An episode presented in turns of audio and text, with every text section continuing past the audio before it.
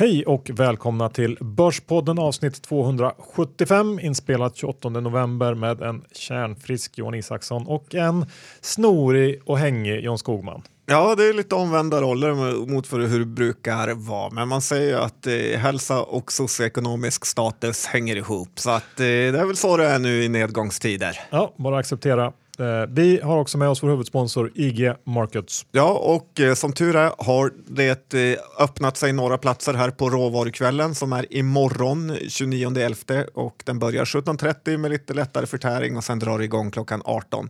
Eh, Grev Turegatan 30, Anders Söderberg och det är råvaror det kommer handla om. Så gå och anmäl er på den. Jag kan twittra ut länken till och med så får ni lätt en plats. Yes.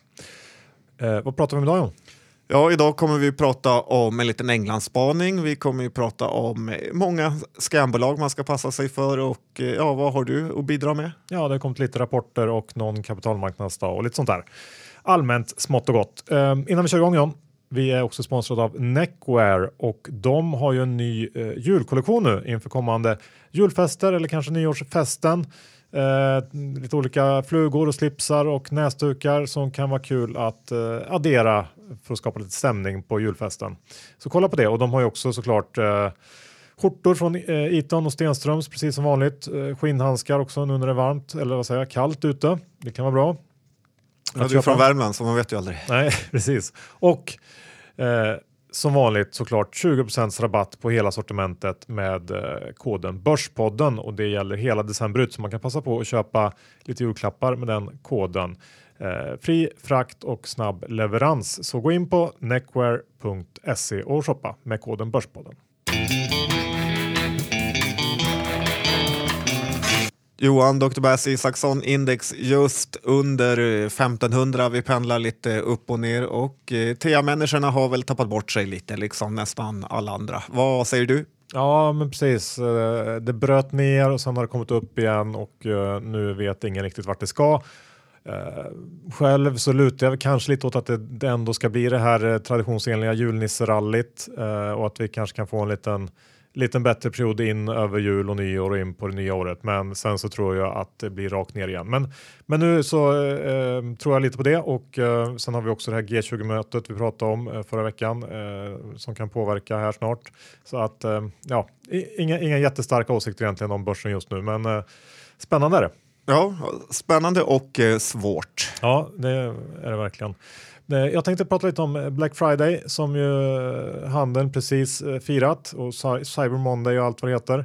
Ehm, det är ju kul, men som alla vet så är de här dealsen man kan göra inte alltid lika bra som det ser ut. Jag såg att Niklas Storåkers på Price Runner var ute och twittrade om att baserat på deras data på 30 000 av de mest populära produkterna så hade 13% av dem eh, stigit i pris med över 22% under de eh, senaste två månaderna inför Black Friday, vilket ju är lite eh, Lite fult kan man tycka. Och motsvarigheten till det här om vi ska prata i aktietermer, det är ju när Nordnet och Avanza går ut och erbjuder gratis courtage på handel med utländska aktier.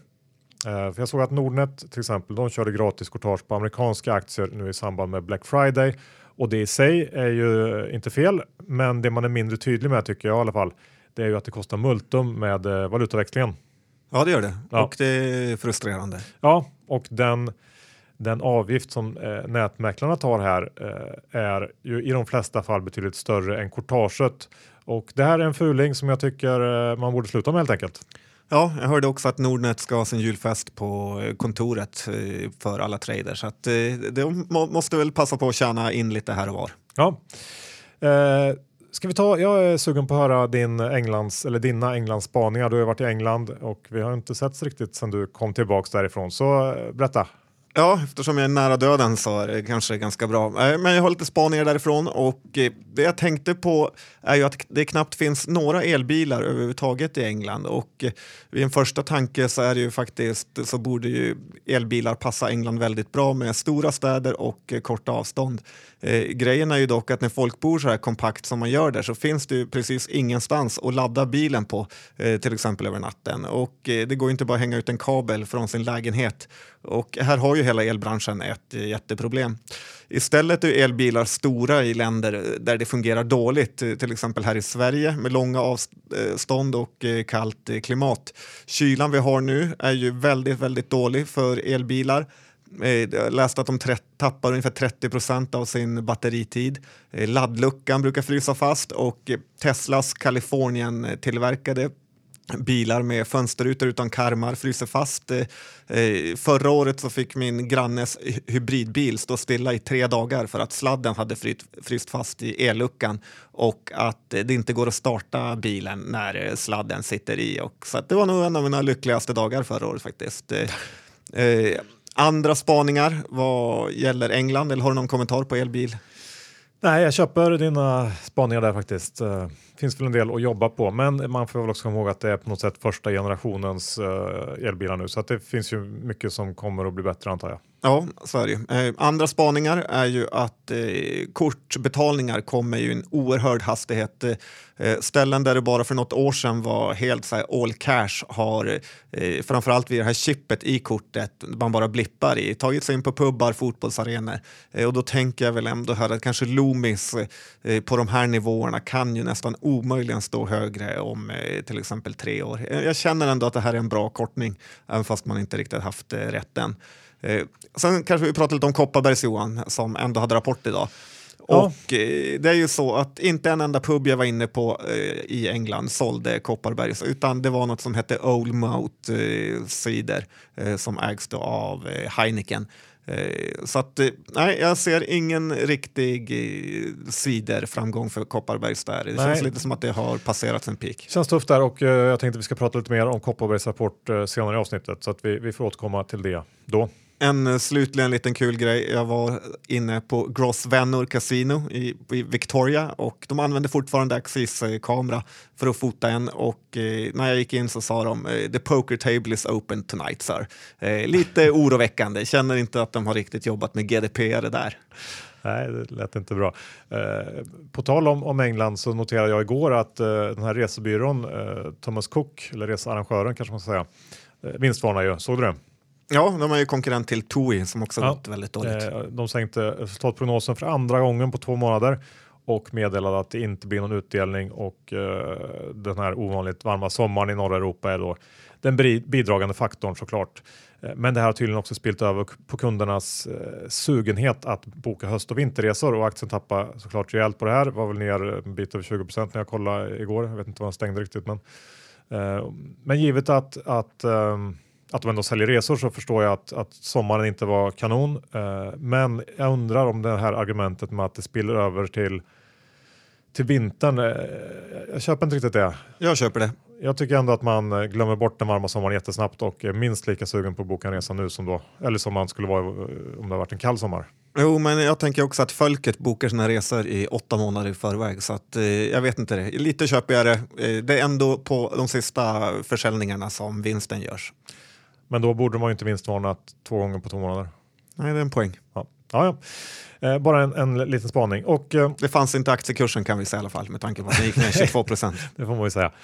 Eh, förra veckan också, så tro, jag tror det var förra veckan som du snackade om eh, här, den här överdrivna rädslan för spelberoende eh, som vi har i Sverige och att vi ändå har en ganska sund spelkultur. Ja. Menar jag spel på hästar och, och fotboll och, och, så vidare. Um, men något det inte snackas om alls, eh, det är ju det närliggande dataspelsberoendet och rent personligt så hör jag ju fler och fler som har problem med sina barn som spelar och då är det framförallt eh, Fortnite men det kommer ju alltid nya sådana här spel. Eh, men de här bolagen så är det, är det ju inga fonder som säljer av etiska skäl och inga kvällstidningar som som skriver om och eh, man kan ju fråga sig vad skillnaden är egentligen. Det är ju eh, någon typ av underhållning som hos vissa skapar ett beroende och och antagligen så växer ju dataspelsberoendet betydligt snabbare och slår mot, eh, också mot eh, mycket yngre människor. Jag läste en artikel i Bloomberg i år hur rehabs i UK översvämmas av Fortnite-spelande barn och hur det här spelet faktiskt också angavs som orsak till över 200 eh, skilsmässor i UK förra året. Ja, det blir svårt för Handelsbanken Fonder att sälja även den här sektorn. Snart kan de inte köpa någonting. Framförallt jobbigt om Robur Ny Teknik skulle behöva göra det kanske. Men eh, ska vi avsluta? Eller vi ska inte avsluta. Kanske därför han slutade.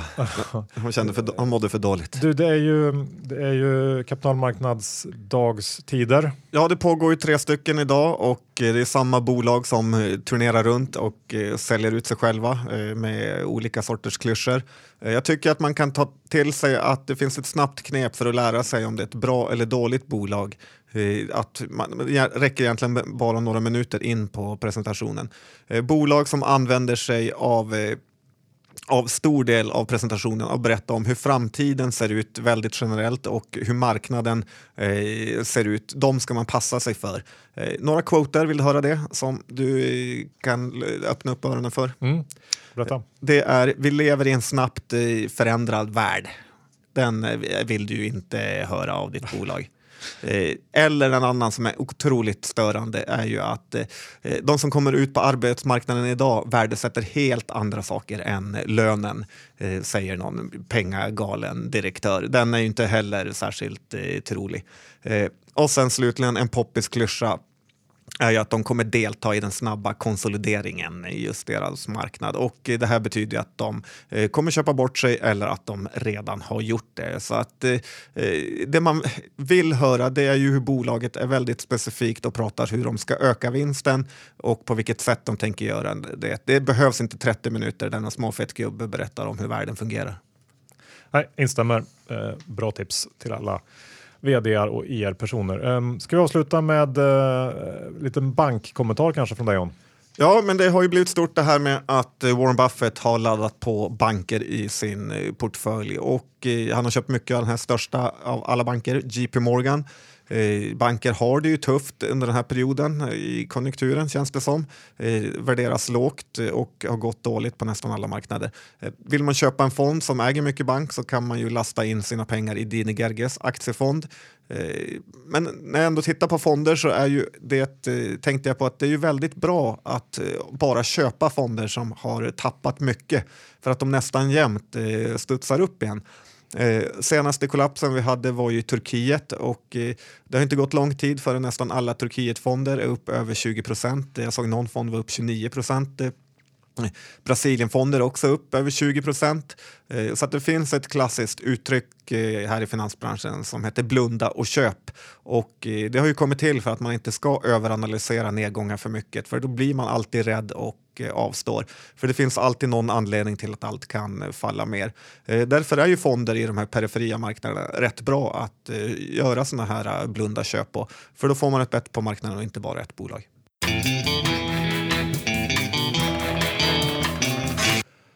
John, vi är också sponsrade av Privata Affärer som har ett riktigt bra eh, julerbjudande kan man säga till våra lyssnare.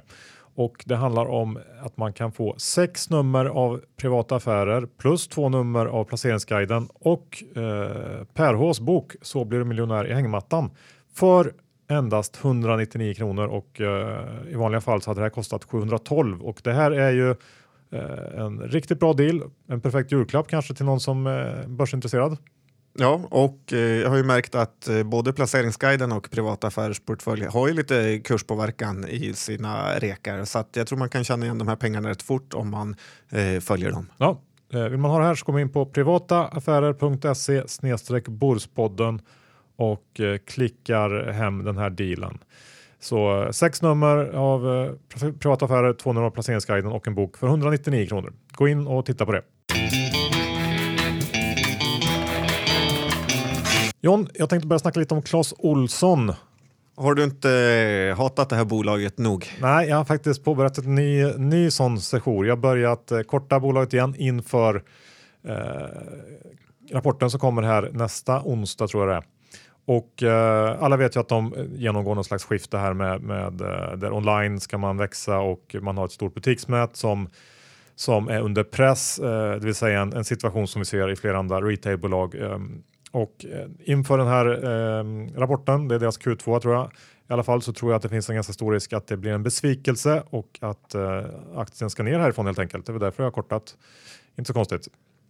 Eh, bolaget rapporterar ju månadsförsäljning och även om den har rullat på ganska okej okay, så eh, ser ut som att like for like i butiksnätet varit negativ under kvartalet eh, och det trots en fortsatt hög kampanjaktivitet med mycket rabatter. De här kampanjerna belastar då marginalen och eh, den pressas ju också sen innan av det här strategiska valet att öka onlineaktiviteten. Och jag har svårt att se hur det här ska hålla när man har en värdering som faktiskt är eh, inte bara rätt hög utan väldigt hög. Vad ligger den på? Ja, P-talet kanske ligger kring 16-17 på innevarande år och då är man i lite av en krissituation skulle jag säga. Jag har svårt att se hur man kan motivera det faktiskt. Det är väl någon slags gammal kvalitetsstämpel som hänger kvar sedan förr gissar jag. Men jag tycker inte att det håller och det är ju såklart en rejäl premie mot sektorn i, i stort. Eh, så det är mm, en, en ja, solklar sälj för mig. Jag har kortat och eh, jag tror också att det finns en ganska stor nedsiderisk i estimaten om man tittar eh, ett år framåt här. Så att ehm, vi får se, men så tror jag. Ja, jag var inne i Clas Ohlson Labs som ligger på Sveavägen här i förrgår faktiskt och kikade lite. De sa att kontoret låg ovanpå och Lotta var där. Eh, gillar ändå att hon är nära verksamheten. Eh, och sen, Clas Ohlson är ju lite av ett julföretag så det får man ju komma ihåg. Att det köp mycket gubbar. På Bromma Blocks var det också fullsmockat med folk i butiken. Och ytterligare en eh, grej för och lite motargument är ju att eh, eh P16, i, det ska ju vara dyrt när det är i, under kris eh, kan jag väl känna. Och billigt när allt går som bäst. Eh, eh, ja. Så kan man ju säga, men, men jag tror att den stora krisen ligger framför Clas Ohlson och dessutom så vill jag också påpeka att julen kommer faktiskt varje år. Eh, kan vara värt att tänka på. Ja, men det är en bra idé. Ja. Eh, ett annat bolag som vi eh, inte har pratat om i podden tror jag, kanske någon gång, är ju News 55. Mm, det är väl ganska tur att vi inte pratat om det här. Det är ju okänt för de flesta och det är ju ett av de sämsta bolagen som kanske någonsin varit noterade här på börsen. De noterades ju ändå med lite buller och bång för det gamla Sportspegeln-ankaret Artur Ringart, kommer du ihåg honom? Just det, ja. Eh, härjade på Lilla Sportspegeln på gamla goda. Eh, är ju en av grundarna och sitter i styrelsen. Eh, det här är en sajt som ska passa folk som är över 55 men i själva verket är det mest omskrivna artiklar från Aftonbladet. Nu har de börjat satsa lite på event efter den här hemsidan verkligen inte bar sig. Eh, och de har ju nyligen, och det är därför jag pratar om dem, nyligen gjort klart med ytterligare en nyemission eh, trots att de kom till börsen för bara något år sedan. Eh, men det som stör mig lite i det hela är att jag får känslan av att den käre Arthur använder News 55 för att plocka ur pengar ur det till sig själv. Jag kollade årsredovisningen 2017 och då tar Arthur ut 535 000 i fakturerat arvode plus 30 000 i styrelsearvode. Så att, att News 55 hela tiden måste göra nyemission nyemissioner för att betala grundaren Arthur Ringart massa pengar gillar jag inte. Så ja, fortsätt håll er borta från det här bolaget bolaget. Eh, ja. Jag såg att det var 75 personer som ägde det och ett bolagsvärde på 7 miljoner. Så att eh, ja, marknaden vet vad den gör oftast. Ja, det låter som det. Eh, Prime Living kanske vi ska ta upp också när vi pratar om lite sämre bolag. Ja, men det här är också ett av de sämsta bolagen som finns och eh, de bygger ju temporära bostäder som eh, och nu visar ju det här bolaget eh, precis vara den här bluffen som vi varnat för länge. Eh, de ställer in utdelningen på preffarna och gör ett rörelseresultat på dagens rapport på minus 237 miljoner. Eh, tycker lite synd om John Dinkelspiel som verkar ha sin depå fylld med sådana här aktier och eh, hur ledningen här har fifflat ut massa pengar via speciella utdelningsaktier är skamligt faktiskt. Eh, det skrev någon liten rad om när det här hände men ingen annan verkar bry sig. Och eh, det här är en sån här klassiker vi pratat om mycket i podden är ju att ägarna nu kan hänvisa till att de är de stora förlorarna i kraschen för att få sympatier. Men de har i själva verket cashat ut massor under tiden i bland annat fulutdelningar. Ett lite större bolag eh, som hade kapitalmarknadsdag förra veckan är Getinge Körde de några klyschor? Eh, ja, det gjorde de ju säkert. Eh, men jag fokuserar inte på det utan jag försökte se om det fanns någonting av intresse och det var inga nya finansiella mål som presenterades man, men man eh, lyckades ju uppenbarligen ingjuta mod i marknaden. Aktien steg nästan 11 procent. Eh, lite svårt att förstå, förstå det, men eh, det positiva man kan ta med sig kanske är att eh, ledningen ehm, var väldigt eh, tydliga med det här stora marginalgapet man har mot konkurrenter och eh, man säger att det finns en förbättringspotential på 7 procentenheter här och det vore ju konstigt om Geting inte kan minska det här gapet kan man tycka. Det är ju för sig ingenting nytt. Vi har pratat om det här tidigare och eh, marknaden har också varit eh, liksom håsad till de här möjligheterna tidigare. De har bara anställt millennials som inte tänker på lönen i första hand. Eh, ja, så kan man säga. Men, men, men ledningen var tydligen ändå konfidenta när det gällde just det här och det är väl upp, uppenbarligen det som marknaden tog fasta på. Så I övrigt så betonar man att 2019 kommer att bli ett integrationsår, det vill säga kommer att bli ett nytt skitår och att... Um, Ett förlorat år, sånt brukar du gilla Johan. Man ska, det är i och för sig det är sant, men att man ska kunna börja skörda frukterna av allt arbete 2020. Uh, eh, och de gick också ut och sa att man inte ser något behov av nyemission, vilket väl inte är helt oväntat. Även om man uh, skulle vara det så säger man inte det. Uh, jag tycker ändå att Geting är lite spännande. Det finns fin potential om man lyckas med det man säger att man ska lyckas med, men Eh, jag är, heller, jag är heller inte lika övertygad om att, att eh, som ledningen är om att det inte kommer bli en till nyemission. Inget får gå fel. Skuldsättningen är väldigt hög och vi har ju då ett 2019 framför oss som antagligen inte kommer bli någon höjdare. Eh, kombinerar man det med en, en lite svajig börs um, så tror jag att det kommer att gå att köpa den här aktien billigare längre fram uh, och om man inte kommer in billigare så tror jag att man kan göra det med lite bättre eh, visibilitet som man säger än vad man har nu för att eh, det, ser, eh, ja, det, det, ser lite för svårt ut tycker jag. Så jag avvaktar. Var är värderingen nu? Har inte den huvudet tyvärr. Eh, det man ska komma ihåg med sådana här aktier är ju att där man är lite orolig för nyemission, blir inte nyemission så kan det vara en fantastisk affär att köpa. Absolut, det är en bra poäng. Ska vi säga några ord om H&M också John? Ja, det kan vi göra. Man får ändå säga att det här bolaget har eh, kickstartat, eh, känner jag, att försöka få igång sitt förändringsarbete. Eh, de lägger ner Cheap Monday här, som de köpte dyrt för många år sedan och aldrig fick någon lönsamhet i. Idag kom det nyhet att de ska starta coffeeshops i butikerna, vilket jag i och för sig har pratat om för flera år sedan. När jag var i Madrid så fanns det inte en enda klädkarusell i butiken, vilket ändå kändes som ett lyft. Eh, dessutom ser vi ju hur väldigt svårt det är för de här näthandlarna att eh, verkligen göra några pengar. Zalando går dåligt, Boost går dåligt eh, och det är ju uppenbart att kläder passar bra eh, väldigt bra till och med för att köpa i affärer när man ska prova och så. Eh, betydligt bättre än många andra av de här näthandlargrejerna. Så att eh, eh det som man ändå inte gillar med H&M är ju värderingen. Eh, det är P20 närmsta åren och eh, även om de kan ge utdelning så måste det ändå vara någon uppsida man kan se. Dels på att det är P20, 20, men ändå att de agerar i en bransch som har det riktigt tufft. Och det kan ju komma nedskrivningar, eh, det kan komma oväntade kostnader om butiker måste stängas och moderniseras med mera. Eh, så att, ja, jag kan inte riktigt eh, se något eh, köpläge i H&M även om jag såklart gillar att de har köpt till sig lite. Ja. Vad säger du?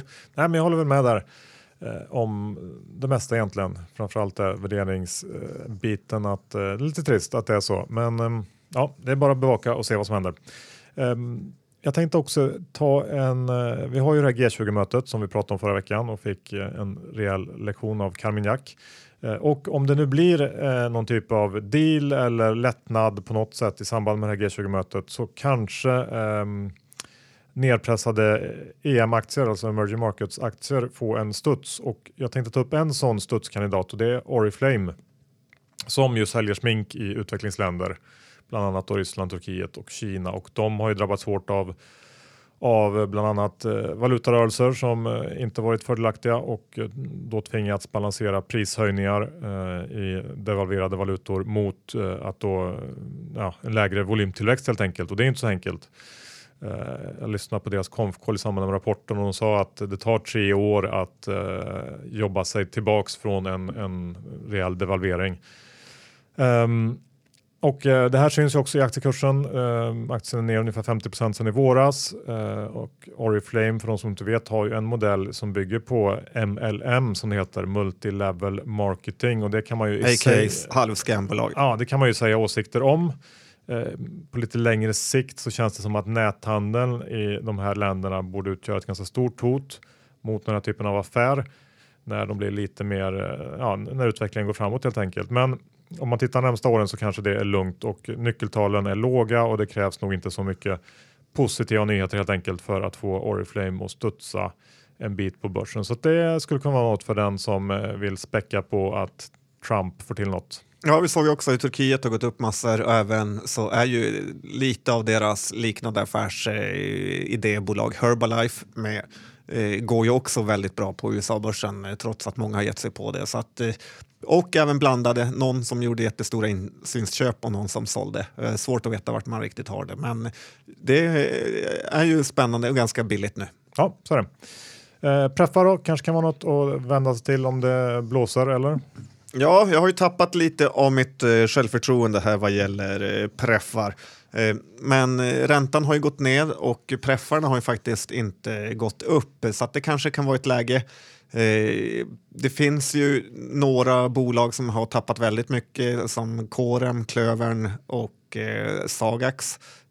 Det har tappat en del. Och eh, det är ju så kallade household names du ska gå på när du köper preffar. Det visar ju inte minst de här Oscar Properties, Eniro, Prime Living. Eh, köp absolut inte något annat än de största fastighetsbolagen, även om räntan är lite lägre.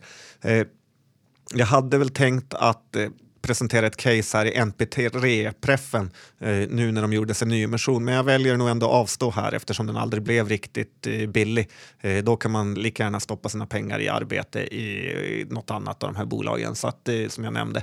Så att, eh, ja, inga, inga nyheter där utom att eh, det känns bättre att köpa preffar nu än för eh, tre veckor sedan. Ja, det låter rimligt. Um sen, du vill prata om Kambi också. Det brukar ju vara som, jag som gör det, men vad har du att säga om Kambi? Ja, du känns nästan lite irriterad Johan. Lite. Ja, bra. Eh, jag gillar det. Det är bäst när du är sur, vilket du har varit största delen av tiden jag känt dig. Nej, är det sant? Det var inte snällt. Nej, det var inte snällt. Nej, men vi har ju fått lite nyheter om hur Bodenholm sålt ganska mycket aktier i Kambi och eh, häromdagen gjorde även Anders Ström det. Eh, Bodenholm säkrade hem en fin vinst och Eh, det är väl inget att säga om, men att Anders Ström säljer tycker jag bara indikerar att det här bolaget faktiskt är lite för dyrt just nu. Eh, för den killen behöver knappast pengarna. Eh, vi har ju också sett hur Evolution tappar ganska mycket och även om det är olika, helt olika branscher eller helt olika bolag så är det ändå inom spelbranschen. Det är många spelbolag som har haft det tufft och eh, jag tycker att det är mycket som ska gå rätt för att Kambi ska kunna försvara den här värderingen på eh, 225 nivån. Så det var, var my, vad heter det, mina två cent. Ja, men det är rimliga, rimliga funderingar kan jag också tycka. Dessutom så snackas det väl lite om att det inte varit några fördelaktiga mm, resultat här under eh, kvartalet så här långt och att det mesta pekar på att det blir en ganska kass sportsboksmarginal. Vi får väl se helt enkelt. Eh, ett bolag som rapporterar nu på morgonen som vi var inne på förut är Kopparbergs och det blev ju ännu en besvikelse eh, givet den här extremt eh, gynnsamma sommaren. För branschen så var ju förra rapporten också en besvikelse, men då kunde man ju på något sätt kanske argumentera för att vi skulle få se en större positiv effekt nu i Q3. Så blev det inte. Eh, tillväxten landade på drygt 5% jämfört med samma period förra året och det kan man då jämföra med 13% drygt i Q2. Det vill säga det blev lite sämre om man bara tittar tillväxtmässigt och eh, jag har svårt att se någon annan förklaring än att man tappar marknadsandelar helt enkelt. Och köper man Kopparbergs här då måste man nog ändå tro på att de verkligen lyckas på någon ny marknad. USA eh, gissar jag är väl det som folk eh, har lite hopp kring. Eh, jag tror ändå att det är tveksamt. Det är så otroligt svårt att göra en sån grej eh, så att eh, håller mig nog borta här. Ja, jag håller helt med. Det känns orimligt att kunna ta USA-marknaden och eh, de måste uppdatera sin eh, flaska. Jag, eh, håller med. Det håller borta. Och sen får man komma ihåg många bryggeribolag har haft det tufft sista tiden så att det här är bara ett i alla exempel. Ja. John vill avsluta med G5. Ja, du hade ju pratat G20, jag pratar G5 och dataspelsbolaget på mobilbolaget kan man säga. Eh, här var det ju nära att jag gick bort mig faktiskt, eh, som det börjar bli oftare och oftare sista tiden. Eh, G5 har ju tappat väldigt mycket i aktiekurs och eh, för några vecka sedan stängde de här sitt incitamentprogram eh, som skulle sättas. Och eh, är det något eh, Bodenholm Per har ju lärt oss är att man ska vara på rätt sida om de här incitamentprogrammen. Och eh, man kan säga att det inte är ovanligt att kursen sjunker under den här perioden och att inga positiva nyheter kommer ut eftersom ledningen då så gärna vill ha eh, förmånliga lösenpriser som möjligt. Eh, dock så har ju hela Starbreeze-härvan gjort att suget på svenska spelbolag minskat samtidigt som fonden Ny Teknik är eh, största ägare har jag för mig. Och eh, tanken på stora utflöden i den fonden eh, gör det ju inte eh, kul att köpa den här aktien. Så att jag tror att det kan vara en tung period framför G5, fortfarande eh, tung. Men jag gillar och både ogillar eh, läget i aktien. Svårt, eh, men eh, om man inte är säker så gör man det bäst att hålla sig borta. Vi tackar IG Markets som är vår huvudsponsor. Glöm inte bort att anmäla er på den här råvarukvällen, eller hur John? Nej, det kommer bli väldigt kul att höra om eh, råvaror av eh, duktiga personer. Erik Hansén är där och eh, andra imorgon på Grev Turegatan 30. Ja, och eh, Neckwear.se, de har ju en julkollektion om man är ute efter någonting lite fräsigt till julfesten, en slips eller en fluga kanske. Eh, dessutom så finns det som vanligt skjortor från Iton, Stenströms, eh, det är skinnhandskar, allt möjligt. Eh, bra julklappar helt enkelt och dessutom har man då som Börspodden lyssnare 20% rabatt hela december ut om man använder koden Börspodden. Eh, fri frakt och snabb leverans. Eh, neckwear.se. Ja, ge bort de jobbiga julklappsköpen nu. Ja, och eh, missa inte heller vårt supererbjudande ifrån eh, privata affärer. Får sex nummer av privata affärer och dessutom två nummer av placeringsguiden plus Per Hs eh, eminenta bok. Allt det här kostar om du skulle köpa det till normalpris 712 men genom att gå in på privataaffärer.se Borspodden så klickar du hem det för 199 kronor vilket är ett megafynd. Ja, men det är också en eh, väldigt fin julklapp att eh, ge bort och ganska kul att eh, sitta och läsa en riktig tidning. Ja, och när det gäller innehavsredovisningen så är jag kort Claes Olsson. Eh, hoppas på en usel rapport. Vi får se. Eh, hur är det med dig? Ja, jag har lite, lite klövern preffar som vi får se vart de hamnar. Annars är det ingenting. Nej. Tack för att du lyssnade. Vi hörs om en vecka. Hej då!